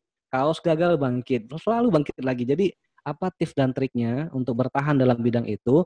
Dan juga apa tips dan motivasi untuk para pendengar dan pemirsa setia radio YSI agar antum semua bisa tetap meyakinkan bahwasannya ini belum saatnya mundur, ini belum saatnya menyerah. Gimana Mas? Tafadol? Baik, terima kasih atas pertanyaannya. Jadi kalau dari anak pribadi tadi kan sempat pernah cerita bahwa dulu pernah didoktrin ya sebegitunya di MLM. Dari situ juga didoktrin juga untuk jangan takut gagal. Jadi kalau misalkan kita uh, kegagalan itu sebenarnya kalau kita berhenti untuk melakukan sesuatu yang lain itu gagal banget. Tapi kalau kita terus berusaha mencari apa ya kira-kira uh, peluang yang lain ya. Dan berkaitan dengan tadi kita bicara masalah video editing itu kan uh, dulunya kita juga juga ada pembuatan video juga dan ya pasti pakai musik lah. Dan pasti pakai musik pakai alat juga. Pada saat di awal Revik itu kita nggak nampilin yang namanya video ya. Karena kita belum pernah dapat uh, project video juga yang yang nggak pakai musik. Nah tiba-tiba ada ada Iwan juga dari Jakarta atau Jawa Barat gitu dia minta dibikinin video. Dan waktu itu anak bilang masa ini belum belum berani karena kita nggak punya karya gitu. Kalau ada sih karya tapi masih pakai musik. Jadi itu nggak bisa jadi acuan karena pasti berbeda uh, tampilannya dan dan uh, atmosfernya berbeda. Terus kemudian Ana bilang ke Masnya ini, Mas kalau boleh nanti saya bikin coba dulu. Waktu itu kan Sirwal ya brandnya. Saya coba bikin dulu video nggak pakai musik. Nanti Masnya lihat kalau Masnya cocok silahkan order. Tapi kalau nggak cocok ya nggak order nggak apa-apa. Karena pada saat itu kita nggak berani jualan sesuatu yang nggak bisa kita lakukan kan. Jadi akhirnya tiba-tiba Masnya tanya ukuran celana Ana gitu. Mas, Mas Rizky celananya berapa gitu. Memang kenapa Mas? Ini saya kirim produk buat Mas Rizky sekalian buat videonya gitu. Wah malah dapat celana gratis masya Allah. Akhirnya uh, kemudian kita buatkan produknya. Uh, kita mikirnya waktu itu sampel ya. Nanti dia bikin ternyata sampelnya dibayar. Dibayar dengan harga bukan sampel, harga harga price listnya. Terus akhirnya dari situ ya dapat satu orang videografer. Nah kita coba coba waktu itu masih masih susah banget mas karena kalau di orang bikin video itu kan konvensional ya pasti pikiran dia musik dulu baru ngambil adegannya itu kalau orang-orang video biasanya kayak gitu. Dan nanti beatnya kayak gini, nanti adegannya ini, beatnya kayak gini. Nah, untuk ngilang itu emang nggak susah, agak susah banget. Jadi kalau sekarang kan dibalik, gimana caranya ngambil gambar dulu, alurnya gimana, nanti dikasih sound effect yang nggak pakai musik gitu. Dan itu prosesnya emang ya bisa dibilang ya gampang-gampang susah. Tapi ya kita harus lakukan itu mau nggak mau. Dan ternyata uh, peluangnya banyak mas. Nanti kalau misalkan masnya dengar mudah-mudahan banyak pengusaha muslim di Indonesia yang butuh orang-orang seperti kita, orang-orang yang bisa ngegarap dunia kreatif, bikin video iklan yang menarik, tapi nggak pakai musik. Jadi banyak banget pengusaha muslim yang takut berpromosi karena tadi, karena kalau misalnya promosi seperti ini, takutnya nggak menarik. Kalau misalkan bikin menarik, ya melanggar syariat. Jadi akhirnya nggak jadi promosi. Dan itu banyak, banyak orang yang kreatif itu curhat ya. Masya Allah, akhirnya ketemu juga nih agensi yang nggak melanggar syariat. Ini anak dari dulu pengen nih bisa promosi, tapi takut untuk melanggar syariat. Terus akhirnya bisa ketemu dengan Revik. Jadi uh, Revik ini selain juga cari klien, alhamdulillah jadi inspirasi juga beberapa teman-teman desainer, videografer juga akunnya untuk mereka yang pengen uh, terjun ke sini dan bilang pada saat itu waktu itu live live sekitar setengah tahun yang lalu lah. Anan live di Instagram bilang uh, teman-teman muslim yang bergerak di dunia yang sama, tolong sampaikan di awal kalau teman-teman uh, karyanya nggak melanggar syariat sehingga bisa benar-benar yang ngebantu juga di kita gitu, ngebantu di kita untuk bisa uh, pengusaha muslim ini lepas dari pelanggaran syariat, terutama untuk promosinya. Jadi begitu banyak uh, pengusaha muslim menggunakan hal yang melanggar syariat atau promosinya dan dan Revik nggak bisa sendirian gitu. Kalau misalkan sendirian ngurusin se-Indonesia kan berat tuh. Makanya kita juga selain nanganin sendiri, kita juga pengen gimana caranya bisa inspirasi teman-teman yang udah paham. Ayolah sama-sama kita ngebantu banyak pengusaha muslim gimana caranya mereka bisa berkembang tanpa melanggar syariat. Nah untuk teknisnya, tadi kan uh, bingung juga ya lingkungannya, jaringannya tidak ada yang uh, ini, kemudian dia sendiri sudah mulai ingin meninggalkan pelanggaran syariatnya. Bisa dibilang semua yang order di Revik atau order di Ana itu tidak kenal dengan Ana. Maksudnya bukan bukan teman terdekat ya. Tapi benar-benar orang luar. Bahkan di Jogja tuh sedikit banget. Mungkin satu atau dua orang sebulan kalau misalkan ada. Lebih seringnya nggak ada orderan dari Jogja. Mayoritas dari luar Jogja, dari Jakarta, dari Sumatera, Kalimantan, Sulawesi, uh, dari Pokoknya dari luar pulau gitu kebanyakan. Dan itu bisa dilakukan dengan cara promosi online, Mas. Jadi kita coba bikin akun Instagram, terus kemudian kita share karya kita yang sudah pernah kita kerjakan. Kemudian juga kita berbagi di situ. Jangan niatkan hanya untuk jualan jualan tok gitu. Jadi kita niatkan untuk berbagi. Jadi tapi niatnya tulus juga ya. Kita berbagi juga bukan untuk hanya biar orang tertarik enggak, tapi benar-benar kita pengen nge-share apa yang kita lakukan gitu sama seperti yang Rafiq lakukan ini kan gimana caranya nggak melanggar syariat seperti ini seperti seperti ini ya selain untuk uh, kita sharing apa yang kita lakukan biar mereka dapat manfaat dari kita kita juga ngefilter tuh. Kalau orang ngebaca wih ini kok agensinya agak serem ya banyak peraturannya. Akhirnya mereka nggak jadi order. Tujuan kita juga itu. Gimana caranya orang-orang yang mungkin proyeknya melanggar syariat nggak masuk ke kita ya meskipun tetap aja yang yang banyak yang lolos juga. Jadi banyak yang sudah order tiba-tiba minta, Mas bisa nggak dikasih mata? Gitu. Waduh nggak bisa Pak. Gitu. Kita juga nggak uh, nyangka juga. Kita kiranya awalnya sudah sepaham ternyata mungkin dia nggak baca secara ketentuan atau gimana tapi kita kita berpedoman pada itu. Kita tampilkan di awal gitu. Jadi kalau misalkan mereka minta macam-macam mereka sudah harusnya sudah baca dong uh, peraturan kita. Jadi tipsnya adalah balik lagi kita share karya kita di online kemudian sering berbagi. Itu aja sih kalau di online ya. Kalau misalkan berkaitan dengan video tadi meskipun lingkungan kita nggak bukan pasar kita, tapi dunia online itu luas dan banyak pengusaha muslim juga yang uh, di online. Jadi tinggal kita ini aja, kita istiqomahkan untuk selalu berbagi, terus upload karyanya, dan gimana caranya kita juga deklarasikan kalau kita nggak melanggar syariat. Dan insya Allah banyak itu orang-orang yang tertarik untuk order gitu kalau misalkan kita ngomong di awal seperti itu. Masya Allah. Gitu, Berkaitan mas. dengan tips dan berbagi ini, pertanyaan kedua nih Mas. Pertanyaan kedua dari Fulan, salah seorang ikhwah kita yang tidak menyebutkan namanya, beliau bertanya, Ana ingin melihat portofolio Mas Rizky. Ana ingin melihat tawaran-tawaran Mas Rizky untuk konsultasi. Ini kita juga pengen lihat Mas, di mana nih Mas? Kita ada akun Instagram ya, @traffic branding. Nanti juga ada kalau itu yang berkaitan dengan logo, uh, desain, kemasan dan lain-lain itu @traffic branding. Kemudian untuk yang video dan foto tanpa melanggar syariat bisa ada di Revik Studio. Kemudian untuk satunya lebih ke akun berbagi tentang digital marketing namanya Revik Digital. Nanti mungkin bisa menghubungi line interaktif ya Mas ya terkait dengan hal itu. Masya Allah. Jadi tadi Instagramnya at Traffic Branding Mas ya? Iya, betul. Romeo, betul. Alpha, Foxtrot, Eko, Eko, Quebec. Iya. Rafik, Rafik. E-nya dua ya? Ya, E-nya dua betul. Baik pemirsa dan pendengar setia Radio ST, jangan lupa yang ingin melihat portofolio Mas Rizky dan juga ingin melihat karya-karya Mas Rizky yang juga diupload di akun-akun media sosial dari Revik Branding, Tafadol silakan melihat pada @revikbranding.com. Nah, terakhir Mas, motivasi untuk para pengusaha muslim. Baik, baik. Apa kira-kira? Gimana caranya ya kalau misalnya pengusaha muslim tuh kita kan niatkan benar-benar bisnis itu karena Allah ya. Kita benar-benar sering ngomong kayak gitu. Cuman pada kenyataannya kebanyakan dari kita tuh nggak paham gimana caranya bermuamalah. Jadi benar-benar harus harus tahu ilmunya dulu sebelum kita terjun ke dunia bisnis. Seperti yang dulu kan banyak banyak bolongnya ya. Dari mulai asal ngutang, kemudian asal bekerja sama dengan orang, sirkanya juga nggak jelas. Akhirnya banyak hal-hal yang mungkin akhirnya jadi saling mentolimi satu sama lain. Kemudian juga mulai e, ngebantu usahanya orang juga nggak mikir ini melanggar syariat atau enggak.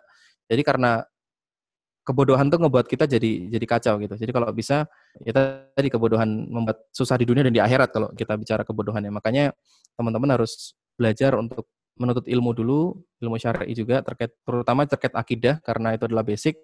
Jadi kalau tanpa akidah, anak juga mungkin nggak bisa saya yakin ini untuk ninggalin pelajaran syariat. Jadi benar-benar dari basic dulu ilmu akidah, kemudian uh, ilmu fikih juga diperdalam, belajar sedikit-sedikit. Yang penting jangan sampai kita salah langkah gitu. Kalau sudah salah, salah langkah, kemudian Allah kasih malah malah kasih banyak proyek itu malah tambah susah keluarnya. Jadi benar-benar teman-teman mulai muhasabah dari awal kira-kira ini ada masalah di mana. Itu yang pertama. Terus kemudian kalau misalkan teman-teman sudah nyoba kemudian gagal, yakin bahwa Allah itu nggak nggak ngebiarin kita gitu aja gitu. Jadi benar-benar jangan wah kayaknya nggak mungkin nih kalau misalkan ninggalin uh, pelanggaran syariat seperti ini. Oh kayaknya susah nih kalau misalkan uh, promosi nggak pakai hal ini gitu. Jadi jangan berpikir seperti itu ya. Pokoknya teman-teman ikhtiar dulu nanti pasti ada jawabannya dari Allah dalam berupa apa pun ya. Entah itu teman-teman dimudahkan dalam urusan apa, urusan apa. Jadi jangan nilai pertolongan Allah itu hanya dalam bentuk materi. Banyak sekali yang yang kita mungkin luput dari dari kita ya untuk bersyukur kepada Allah Subhanahu wa taala terkait dengan uh, kemudahan-kemudahan yang Allah berikan gara-gara kita ninggalin pelanggaran syariat. Kurang lebih gitu mungkin Mas Yoga dari Ana. Masya Allah. Ini malam ini sangat inspiratif sekali ya Mas Rizky ya. Barang siapa yang meninggalkan sesuatu karena Allah, maka Allah akan ganti dengan yang lebih baik ya. ya Masya Allah. Baik. Pada pemirsa dan pendengar setia Radio ASI, sampailah kita pada penghujung acara e, di Bincang Wirausaha pada Jumat malam ini dengan Mas Muhammad Rizky, owner dari Revik Branding. Antum tadi sudah diberitahu IG-nya at Revik Branding. Kemudian juga beliau adalah seorang praktisi branding dan digital digital marketing. Dan alhamdulillah pada malam hari ini dari awal hingga akhir tadi beliau benar-benar memberikan sebuah cerita yang luar biasa kepada kita sehingga kita yakin bahwasannya pertolongan Allah itu ada ya Mas ya. Iya. Yeah. Allah nggak sia-sia, masya Allah. Baik, Mas Rizky, terima kasih jazakallah khair atas kesediaannya membagikan pengalaman, share cerita dan inspirasi pada malam hari ini. Kami dari tim Radio ASI mengucapkan jazakallah khair atas waktunya juga. Kemudian Mudah-mudahan apa yang kita berikan pada hari ini, apa yang Mas Rizky nasihatkan pada hari ini, menjadi sebuah pemicu dan pemacu bagi pemirsa dan pendengar setia Radio YSI, di mana pun Anda berada untuk kembali berusaha dan kembali menapak jejak usaha. Jangan kalah dengan COVID-19 ya Mas ya. ya? Betul, betul. nah, syukur Mas ya. Nah, baik para pemirsa dan pendengar setia Radio WSI di mana pun anda berada, kita sampai pada penghujung acara. Sebelum kita tutup, sekali lagi kami sampaikan bahwasannya pada malam hari ini, hari Jumat tanggal 31 Juli 2020 hingga tanggal 7 Agustus hari Jumat ke depannya, 7 Agustus 2020, 2020 pukul 21 waktu Indonesia Barat, HSI Abdullah Roy membuka pendaftaran di angkatan 202. Jangan lupa nih, di angkatan 202. Biasanya nih, biasanya setiap angkatan baru dibuka itu tidak lama sangat berjubel yang mendaftar gitu. Maka itu jangan sampai untuk ketinggalan waktunya hanya sekitar satu pekan. Cara mendaftarnya sebagai berikut. Unduh dan install aplikasi HSI Abdullah Roy di Play Store bagi pengguna Android atau di App Store bagi pengguna iOS atau iPhone. Kemudian buka aplikasi HSI di gadget antum masing-masing. Klik daftar HSI. Kemudian antum isi form register dengan lengkap dan benar kemudian klik register, tunggu notifikasi dari CSHSI, cek kode via WhatsApp, kemudian kirim kembali kode via WhatsApp ke nomor yang tercantum dalam notifikasi, selesai, dan tunggu instruksi selanjutnya melalui WA atau aplikasi. Dan syarat pendaftarannya sangat mudah sekali. Pendaftar HSI terbuka untuk kaum muslimin dan muslimah seluruh dunia, di mana pun Anda berada. Untuk sekedar informasi bagi pendengar setia dan pemirsa Radio HSI, pada saat ini HSI sudah mencapai lebih kurang dari angkatan 2013 hingga 2020 ini dan semuanya berasal dari berbagai daerah bahkan berbagai negara. Ada yang dari Oman, Malaysia, Masya Allah. Cara pendaftaran dari peserta HSI adalah calon peserta grup WA HSI adalah pengguna WhatsApp yang masih aktif, mempunyai gadget yang memadai untuk menerima materi yang akan disampaikan, kemudian bersungguh-sungguh dan komitmen mengikuti pembelajaran silsilah sampai akhir, dan berkomitmen mengikuti evaluasi di setiap silsilah.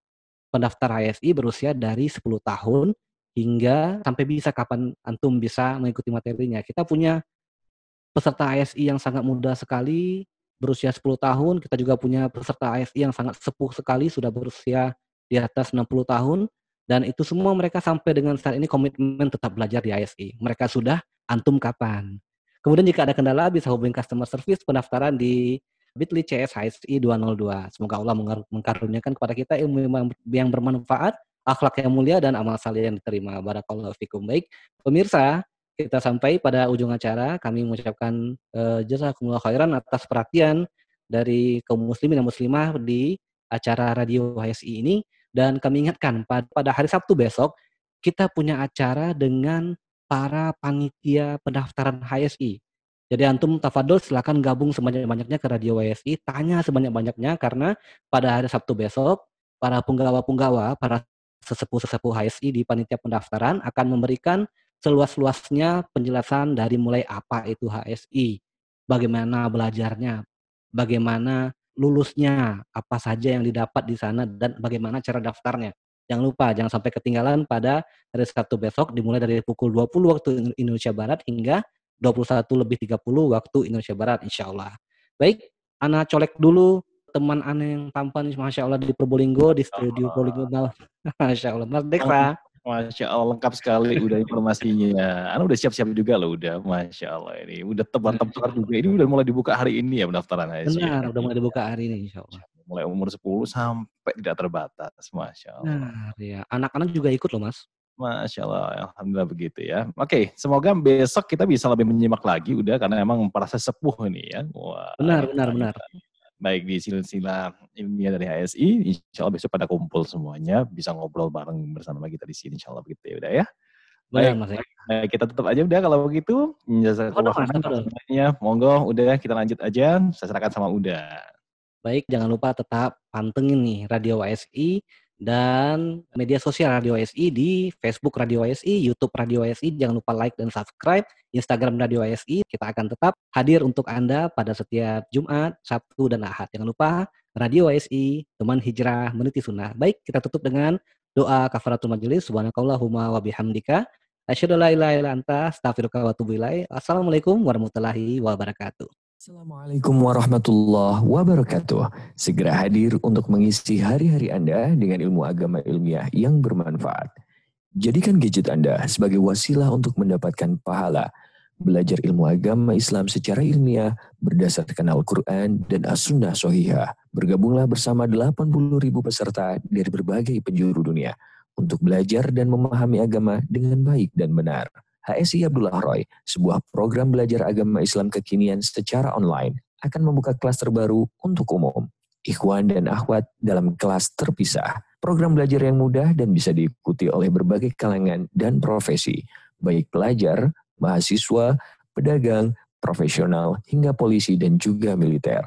Anda akan diajak untuk mengenal lebih dalam tentang tauhid, mengenal Allah Jalla Jalaluh, Rasulullah Sallallahu Alaihi Wasallam, hari akhir, pembatal-pembatal keislaman, sejarah hidup Rasulullah Sallallahu Alaihi Wasallam, dan banyak lagi materi-materi yang lain. Segera siapkan gadget Anda, jadikan gadget Anda lebih bermanfaat. Ajaklah keluarga Anda untuk bersama-sama mengikuti program belajar agama Islam ilmiah di HSI Abdullah Roy. Siapa yang menempuh jalan untuk mencari ilmu, maka Allah akan mudahkan baginya jalan menuju surga. Hadis riwayat Muslim nomor 2699. Jazakumullah khairan. Wassalamualaikum warahmatullahi wabarakatuh.